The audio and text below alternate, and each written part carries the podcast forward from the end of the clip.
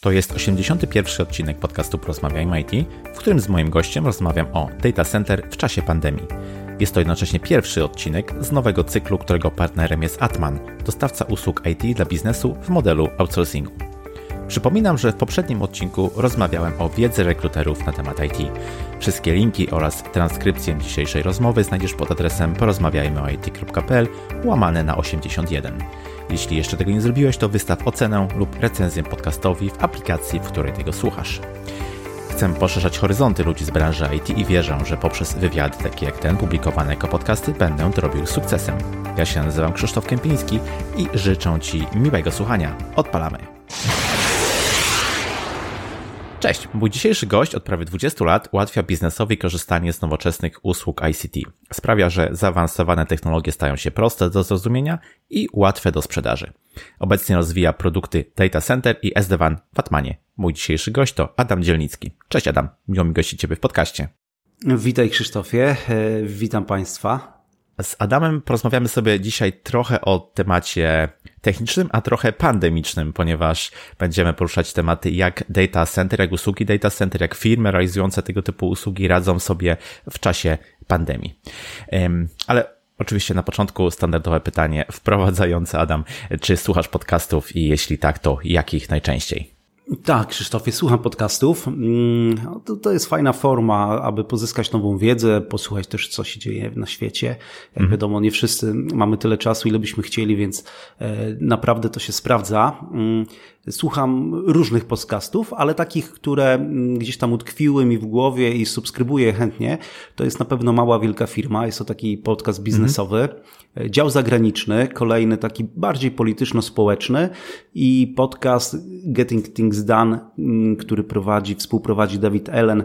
Mhm. To jest e, taki podcast o produktywności, o bezstresowej produktywności. Wszystkim polecam, bardzo fajne materiały. Świetnie, tego ostatniego nie znałem, ale z chęcią sobie zerknę. Dzięki za rekomendację. Ok, dam. To może na początku e, tak spróbujmy zdefiniować, czym są nowoczesne centra danych i z jakich komponentów, oprócz oczywiście infrastruktury technicznej, się składają. Mhm. Można pokusić się o wymienienie kilku warstw, bez których nie byłoby możliwe świadczenie pełnych usług data center. Wymieniona w pytaniu warstwa infrastruktury technicznej, e, ona jest bardzo istotna i służy utrzymaniu ciągłości działania usług w centrach danych. Na pewno warta mm, wymienienia w jednej z pierwszych kolejności jest warstwa operacyjna, Później mamy warstwę monitoringu, warstwę bezpieczeństwa fizycznego, na przykład systemy kontroli dostępu, czy też system gaszenia. Warstwa bezpieczeństwa teleinformatycznego to jest kolejna rzecz, która e, jest istotna, aby takie data center działał prawidłowo. E, zapewnia, zapewniona ona jest przez zaawansowane firewall, różne systemy, na przykład ochrony przed atakami e, mhm. DDoS. No i oczywiście warstwa usług telekomunikacyjnych, czyli światłowody, wszystkie urządzenia, które zapewniają tą telekomunikację w centrach danych. Mhm. No całkiem sporo tego jest.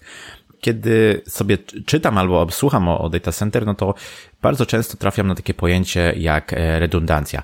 Chciałbym Cię zapytać, czym ona jest i w jaki sposób jest e, realizowana w nowoczesnych e, centrach danych. Mm, więc redundancja to zgodnie ze słownikiem języka polskiego jest pewnym nadmiarem w stosunku do tego, co niezbędne. Czyli z jednej strony pewna nadmiarowość, która może być niepożądana, ale w wypadku data center jest niezbędna do podniesienia dostępności usług. Mhm. W centrach danych redundancja realizowana jest poprzez takie projektowanie systemów, aby te systemy były odporne na awarie poszczególnych komponentów. Takim obrazowym przykładem redundancji jest koło zapasowe w samochodzie. Nieraz ono jest zwane kołem dojazdowym. Niemniej jednak w wypadku koła dojazdowego musimy liczyć się z tym, iż wymiana koła chwilę potrwa i parametry jazdy z tym kołem będą troszeczkę inne, na pewno gorsze niż mhm. jazdy z takim kołem pełnowymiarowym. W centrach danych niemniej jednak nie ma mowy o tym, aby w wypadku uszkodzenia jakiegoś pojedynczego komponentu, takiego właśnie komponentu redundantnego, trzeba było cały system wyłączyć, tak jak w wypadku samochodu, zatrzymać go. Mhm. Przy wymianie wszystkie systemy muszą pracować, więc to jest tak zorganizowane, że mimo tego, iż jakiś komponent jest wymieniany, to jednak cały system pracuje i dostarcza wymaganą funkcjonalność. Co więcej, po wymianie też y, i podczas tej wymiany nie może być mowy o tym, że te parametry pracy będą inne, odchylone, gorsze niż, niż przed awarią. Mm, więc wszystkie systemy muszą się przyłączać w data center automatycznie. Mm, systemy dbają też o to, aby te nadmiarowe komponenty pracowały rotacyjnie operacyjnie, to znaczy na przykład jednostka klimatyzacyjna równomiernie się zużywała, to jest bardzo ważne, no, dzięki czemu ta infrastruktura jakby pracuje równomiernie, dostarcza mm, dostarcza jakby te parametry, które są niezbędne do tego, żeby serwery w centrach danych pracowały bezpiecznie i, i też długo. Rozumiem. No bardzo fajna faktycznie analogia do koła dojazdowego. Mm, a jakie elementy jeszcze, powiedziałbym, dodatkowe, oprócz tej nadmiarowości, oprócz tej nadmiarowej infrastruktury serwerowej, trzeba wziąć pod uwagę, e, planując i później prowadząc też zarządzanie data center? No właśnie, infrastruktura techniczna to nie jest wszystko. Wydawałoby się, że systemy chłodzenia, systemy bezpieczeństwa, systemy podtrzymania zasilania to jest to, co sprawia, że data center może samodzielnie pracować. No, okazuje się, że jednak nie. Kluczowe są procesy, które muszą być mhm. skrojone pod dany ośrodek przetwarzania danych. Inaczej wygląda obsługa małej serwerowni, a inaczej obsługa i utrzymanie centrów danych w skali Atmana, który w samej Warszawie posiada dwa niezależne kampusy połączone kilkoma trasami światłowodowymi. W wypadku komercyjnych data center znaczenie ma też to, w jakim standardzie oferowane są usługi dla klientów końcowych i to z kim i to kim ci klienci końcowi są. Inne mhm. podejście będzie w wypadku obiektów świadczących usługi dla małych firm, a inne dla dużych kampusów obsługiwanych, obsługujących poważne instytucje finansowe, na przykład banki, e, ubezpieczalnie czy na przykład biura maklerskie. E, też inne zupełnie wymagania będą dla klientów, którzy są tak zwanymi hyperscalerami, czyli takimi dużymi globalnymi dostawcami chmur obliczeniowych. Kolejny aspekt mm, to jest, jaki dany data center, jaki standard SLA utrzymuje, bądź co może wydawać się taki prozaiczny, ale w gruncie rzeczy jest bardzo ważne na końcu, mianowicie jak realizowany jest fizyczny dostęp do obiektu, to znaczy czy obiekt ma być dostępny 24 godziny na dobę, czy może tylko mm, można jego odwiedzać tylko i wyłącznie w godzinach biznesowych, tak jak niektóre serwerownie w Polsce jeszcze operują. Jasne. Jeśli chodzi o takie nowoczesne centra danych, no to e, dużo się mówi o mm, przestojach w świadczeniu e, usług, dużo się też robi, żeby w jakiś sposób im mm, przeciwdziałać. Jednak no, wiadomo, że nie da się tego w zupełnie 100% e, mhm. gdyby gdzieś tam wyeliminować. Jest to taki ciągły proces. Chciałem Cię zapytać, mm, z czego mogą wynikać przestoje w świadczeniu usług danych, usług przez centra danych i nie wiem, czy może jakieś są badania, które pokazują mhm. główne powody. E, w ogóle jak, jak istotne jest to, żeby unikać właśnie tego typu mm, przestojów, jaka jest skala tego problemu? Jasne, więc y, ta infrastruktura techniczna, mimo tego, iż e, ona jest pomyślana w ten sposób, aby dostarczała e, najwyższą możliwą dostępność, no jest czymś jednak fizycznym, co mhm. jednak może się zepsuć. Zdarzają się różnego rodzaju zakłócenia, które nie były przewidziane przez konstruktorów, przez inżynierów i, i takie zdarzenia niestety się zdarzają, trzeba być tym świadomy. Dotykają one najczęściej obiektów, też, w których nie ma wprowadzonych spójnych procesów i procedur operacyjnych, ponieważ mm, te uszkodzenie, spadek redundancji gdzieś w infrastrukturze w centrum danych, on dla klienta końcowego nie powoduje żadnego problemu, dopóki oczywiście e, ta awaria nie przyniesie się dalej, więc dopóki data center mm, posiada procedury, wie jak zareagować na takie sytuacje, to wszystko jest pod kontrolą i mhm. tak naprawdę dostępność dla klienta końcowego jest niezakłócona. E, pytałeś o badania. Są takie badania prowadzone. Jednym z takich na przykład badań jest e, badanie prowadzone przez firmę Uptime Institute. To badanie nazywa się Publicity Reported Outages I z tego badania, które zostało zrealizowane na bazie mm, roku 2018-2019, jasno wynika, że za 32% tych zdarzeń odpowiadają złożone incydenty związane z energią, mhm. chłodzeniem czy, tym, czy też systemem gaszenia. Zazwyczaj źródła takich incydentów są wielorakie, rzadko są one spowodowane jedną przyczyną, najczęściej też mają no niestety taki charakter kaskadowy, który mhm. pokazuje w tych krytycznych momentach słabość w wyszkoleniu ludzi, w wyszkoleniu inżynierów, a szczególnie przygotowaniu ich na krytyczne zdarzenia, czy też po prostu okazuje się, że firma nie posiada wdrożonych dobrych praktyk w ramach procesów operacyjnych, czy też zarządczych. Bardzo mhm. istotne jest też unikanie takich przestojów. Pomocne w tym są zarówno regularne przeglądy infrastruktury, bo tą infrastrukturę Trzeba na bieżąco sprawdzać, czy ona działa prawidłowo, czy na przykład nie trzeba jakiegoś maintenance'u ad hocowego wykonać, ale też trzeba regularnie realizować i wykonywać testy systemów zabezpieczeń, tudzież ćwiczenia kadry operacyjnej. Podobnie jak w wypadku na przykład e, takiego ćwiczenia pożarowego w budynku biurowym, takie ćwiczenia w profesjonalnych centrach danych kadry operacyjnej także się przeprowadza. Dzięki takiemu mhm. podejściu znacząco obniża się prawdopodobieństwo materializacji ryzyka, zaś nawet w wypadku incydentu jesteśmy jako organizacja przygotowani na odpowiednią reakcję, która zminimalizuje wpływ zdarzenia na klienta końcowego. Tak jak w życiu, doświadczenie i właściwe przygotowanie no, gra najważniejszą rolę.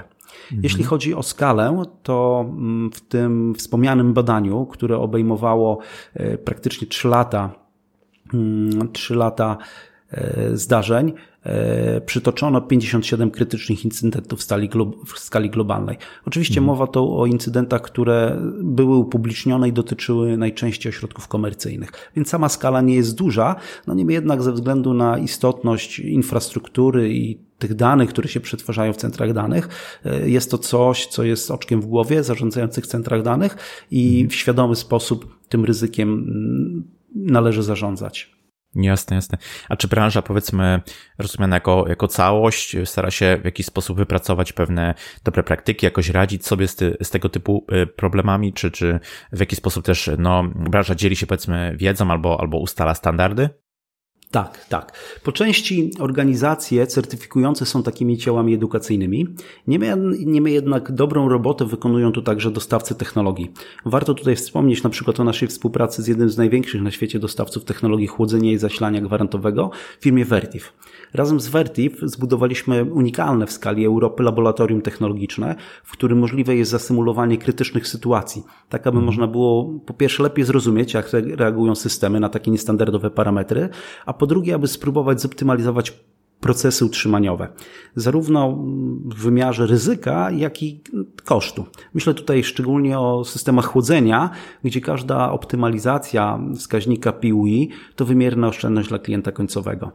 Nie bez przyczyny wspomniałem też o organizacjach certyfikujących, gdyż od jakiegoś czasu współpracujemy jedną z nich. Mówię tutaj o EPI, która jest autorem standardu DCOS. To się rozwija jako Data Center Operation Standard. Ten standard jest dobrym przykładem na to, w jaki sposób branża centrów danych dzieli się sprawdzonymi praktykami. Standard DCOS został opracowany m.in. we współpracy ze specjalistami takich firm jak Microsoft, Ericsson, Dell, czy też polską firmą BCA Group, z którą także współpracujemy. Więc jakby w tego typu opracowaniach, w tego typu e, standardach jest zawarta wiedza, która jest żywa, te standardy są aktualizowane, więc e, to jest miejsce, z którego e, także my czerpiemy i czerpie cała branża. Mhm. A gdybyś mógł powiedzieć, ten, ten standard DCOS, jakie obszary obejmuje i mhm. y, czy, czy dane y, data center, y, czy dany data center musi działać powiedzmy według najwyższych standardów we wszystkich z tych obszarów, żeby dostać taką certyfikację? Mhm. Akurat standard DCOS jest bardzo standardem rozległym. On pokrywa aż 11 tak zwanych dyscyplin, do których między innymi należą takie obszary jak zarządzanie poziomem jakością, jakości usług, monitoring, raportowania i kontrola. Monitoring, raportowanie i kontrola, zarządzanie obiektem, czy też operacje centrów danych i inne. Dla uzyskania certyfikacji, która w ramach tego standardu potwierdza poziom tzw. Tak dojrzałości organizacji w danym obszarze, nie jest wymagana certyfikacja wszystkich dyscyplin, ponieważ taka certyfikacja trwałaby bardzo długo i robi się to stopniowo. Mhm. E, przy takim podejściu mm, maksymalna możliwa ocena do otrzymania to tzw. Tak poziom czwarty, czwarty poziom dojrzałości i my w Atmanie certyfikując wybrane obszary właśnie na takim poziomie działamy. Niemniej jednak dostrzegamy też, że rozciągnięcie tej certyfikacji, tego standardu na pozostałe obszary jest ważne, istotne i dodaje wartość dla, dla usług, które świadczymy dla naszych klientów końcowych i w kolejnych kwartałach czy też latach będziemy implementować także pozostałe dyscypliny. Oczywiście na świecie są przykłady centrów danych, które działają w wybranych dyscyplinach na niższych poziomach dojrzałości niż czwarte i tak naprawdę wszystko zależy od przyjętej polityki firmy i tego, jak bardzo chce dana firma inwestować w utrzymanie standardu operacji. My chcemy, my dbamy, jest to w naszym DNA. Nie rozumiem. A czy oprócz standardu EPI DCOS, którego certyfikację jako Atman posiadacie, są jeszcze jakieś inne standardy, które są powiedzmy sprawdzone, używane w branży data center, jeśli chodzi właśnie o jakość, stabilność świadczonych usług? Tak, tak. Na rynku można spotkać certyfikację firmy Uptime Institute, która zarówno certyfikuje infrastrukturę, jak i obszar operacji, choć są to zupełnie różne certyfikacje. Dla infrastruktury technicznej często operatorzy data center wybierają też certyfikację ANSI-TIA, która ocenia poziom standardu systemowego. Niemniej jednak według nas wysoki standard operacji powtarzalność proceduralna, kontrola i bieżący monitoring dodają największą wartość dla oferowanego produktu, dla usług kolokacyjnych, usług data center. Co więcej, poprawiają one jakość nie tylko usług kolokacyjnych, ale także usług, które budowane są w oparciu o kolokację. To znaczy w naszym wypadku usługi serwerów dedykowanych, czyli takich serwerów, które można wynająć na mm, ściśle określony czas, bądź na dowolny, wyspecyfikowany przez klienta, czy też chmury obliczeniowej. Na końcu więc zyskują też klienci, którzy korzystają z naszych usług końcowych i rozwiązań. We wstępie powiedziałem, że będziemy rozmawiać o e, temacie zarówno technicznym, jak i pandemicznym. Myślę, że teraz pora przejść do tej e, drugiej części. E, chciałem Cię zapytać o to, jak sytuacja z COVID-19 wpłynęła na firmy, tak jak Atman na przykład, świadczące usługi data center, czy coś się zmieniło? Jeśli tak, to jak zmieniło się, powiedzmy, zapotrzebowanie w ogóle na tego typu usługi? No bo mieliśmy okazję mhm. obserwować, myślę, jako społeczeństwo tutaj mocne przesunięcie, mocny taki shift w kierunku wykorzystania usług cyfrowych, więc jestem e, ciekawy, czy wy również obserwowali, obserwowaliście mm, jak gdyby potrzebowanie rosnące na tego typu e, usługi, jak, nie wiem, kolokacja, właśnie chmura obliczeniowa, czy, czy serwery dedykowane, jak to wygląda, jak to wyglądało? Mhm. Tak, zauważyliśmy i potwierdza to też nasze badanie, biznes w czasie pandemii. E, nasi klienci, którzy są klientami biznesowymi, znacznie przyspieszyli projekty transformacji IT. Mówi się o tym, że to, co było realizowane kiedyś w ciągu dwóch lat, to te firmy zmaterializowały w ciągu dwóch miesięcy. E, więc to naprawdę bardzo duży skok i ta sytuacja, mimo że sytuacja e, dosyć krytyczna dla biznesu, dla ciągłości działania, dla łańcucha dostaw, jednak istotnie tutaj dużo e, dobrego zrobiła, jeśli chodzi o transformację, rozwój IT. Ponad 53% firm, które odpytaliśmy, dostrzegło, że technologie IT znacząco pomogły im przetrwać kryzys wywołany ograniczeniami związanymi z pandemią. Wprowadzenie na szeroką skalę pracy zdalnej jako formy wykonywania zadań służbowych e, też gdzieś tam wymaga skorzystania z rozwiązań chmurowych, które nomen omen są dostarczane przez takich, są dostarczane z takich obiektów jak nasze data center. To mhm. dla nas oznacza, że mamy większy popyt na tego typu usługi.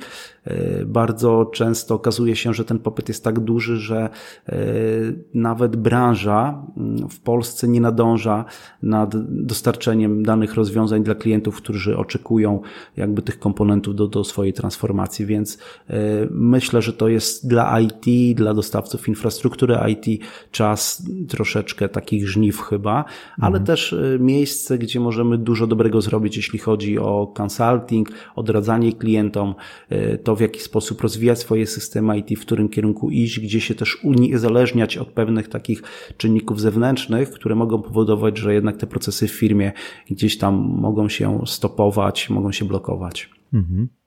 Dokładnie, tutaj myślę, że rola i e, znaczenie, ale też odpowiedzialność właśnie takich firm e, znacząco wzrosła. Chciałem Cię jeszcze dopytać w tym e, temacie, czy to raczej jest tak, że pojawia się więcej po prostu klientów, którzy są świadomi albo zmuszeni wręcz do działania teraz w online, czy też raczej obecni mocniej wykorzystują już to, mm, co mają, czyli na przykład te zasoby chmurowe, czy, czy, czy swoją infrastrukturę, czy jesteś w stanie tutaj coś mhm. powiedzieć?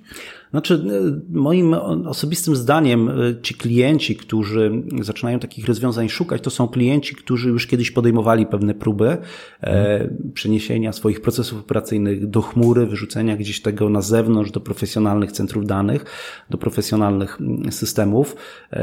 Niemniej jednak te próby, ze względu na to, że nie było może takiej stanu wyższej konieczności, one nie miały tyle atencji, co podczas pandemii. No i niejako zostały te firmy przymuszone do tego, żeby odkurzyć te pomysły, odkurzyć te projekty i jednak wdrożyć je do końca. No i okazuje się, że tak, że wdrożenie tego typu rozwiązań do firm przynosi wymierne efekty, jest optymalizacja. I ta optymalizacja nie wyraża się często w tym, że można kogoś zwolnić, tylko wyraża się w tym, że osoba, która do tej pory e, realizowała jakieś funkcje czysto administracyjne, gdzie był duży narzut takiej pracy, którą łatwo zautomatyzować, nagle odzyskuje przestrzeń i może zrobić bardziej kreatywne rzeczy dla firmy rzeczy, które przynoszą dużo wyższą wartość. I to jest jakby ten uzysk, ta dobra strona tego, co się zadziało w ciągu mm, kilku ostatnich miesięcy w tym obszarze IT. Mhm. Dokładnie. Dodałbym jeszcze może do tego, że e, ta sytuacja pandemią pokazuje, że w ogóle się da, prawda? Że to, co wcześniej było w jakiś sposób blokowane, tak jak, jak powiedziałeś, na poziomie mm -hmm. decyzyjnym, na poziomie być może nawet jakiegoś researchu technologicznego, nagle okazało się, że jest to, e, że jest to możliwe i tak jak tutaj też zaznaczyłeś, da się to zrobić stosunkowo e, szybko, bez kilku lat przygotowań i tej, tej, tej tranzycji i wszystkich procesów, które się z tym e, wiążą. Tak, mhm. bardzo podobnie jak w wypadku y, rozwoju osobistego, firmy musiały po prostu wyjść ze strefy komfortu. Okazało mhm. się, że ten nadzór, nadzór menedżerski nie musi być nadzorem takim fizycznym. Wiele rzeczy mhm. można realizować w sposób zadaniowy i to jakby też, też pomaga w, w tej tranzycji mm, i rozwoju naszego rynku polskiego. Mhm. A jak zmieniło się samo działanie centrów danych jako takich? Chodzi mi tutaj o zarządzanie e, data center, ale również no, o kadrę, która za tym stoi, klientów korzystających chociażby z, z kolokacji, no bo sytuacja z COVID-19 dotknęła wszystkie te obszary, przypuszczam. Mhm. Od strony operacyjnej byliśmy przygotowani na drobne korekty. Gdy pandemia gdzieś już tam w tle się pojawiała, to rozpoczęliśmy przygotowywanie się do tego scenariusza. Wprowadziliśmy między innymi coś takiego jak separację zespołów utrzymaniowych. Zadbaliśmy o to, aby na terenie kampusu wszyscy bez wyjątków zaczęli używać środków ochrony osobistej, to jest maseczek, przyłbic, rękawiczek jednorazowych, środków dezynfekujących i ograniczyliśmy też znacząco liczbę roboczych wizyt poprzez wprowadzenie bezpłatnych usług remote hands dla naszych klientów, czyli takich mhm. usług, e, które e, nie wymagają stawiennictwa się klienta w centrum danych. E, my drobne prace w ramach tych usług dla klientów wykonujemy, czyli na przykład restartujemy serwery, sprawdzamy stan kontrolek na serwerach, jesteśmy w stanie mhm. pewne czynności dla klientów zdalnie wykonać.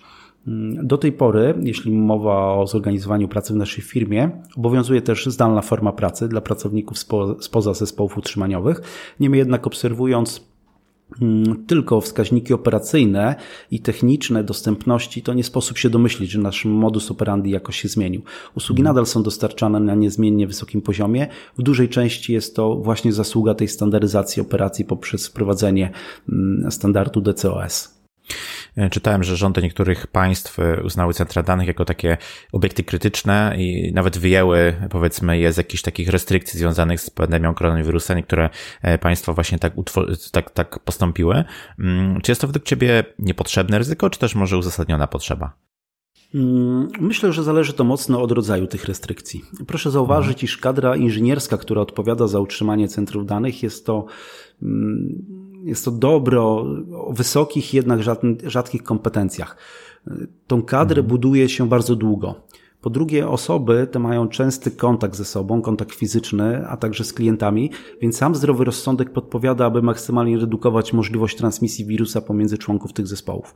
My mhm. zrobiliśmy separację, zespoły są ze sobą podzielone, nie ma przekazania zmiany w sposób e, bezpośredni i dla nas y, była to jedna z tych chyba większych zmian, tak, takich operacyjnych. Mhm. Więc kolejnym takim elementem e, kluczowym jest y, też w czasie pandemii wprowadzenie i zachowanie najwyższych standardów sanitarnych. I mimo, że przepisy dopuszczają pracę bez środków ochrony osobistej przy zachowaniu pewnych warunków, to my podchodzimy do tego wręcz fanatycznie. A niektórzy mogą powiedzieć, że jesteśmy wręcz nadwrażliwi.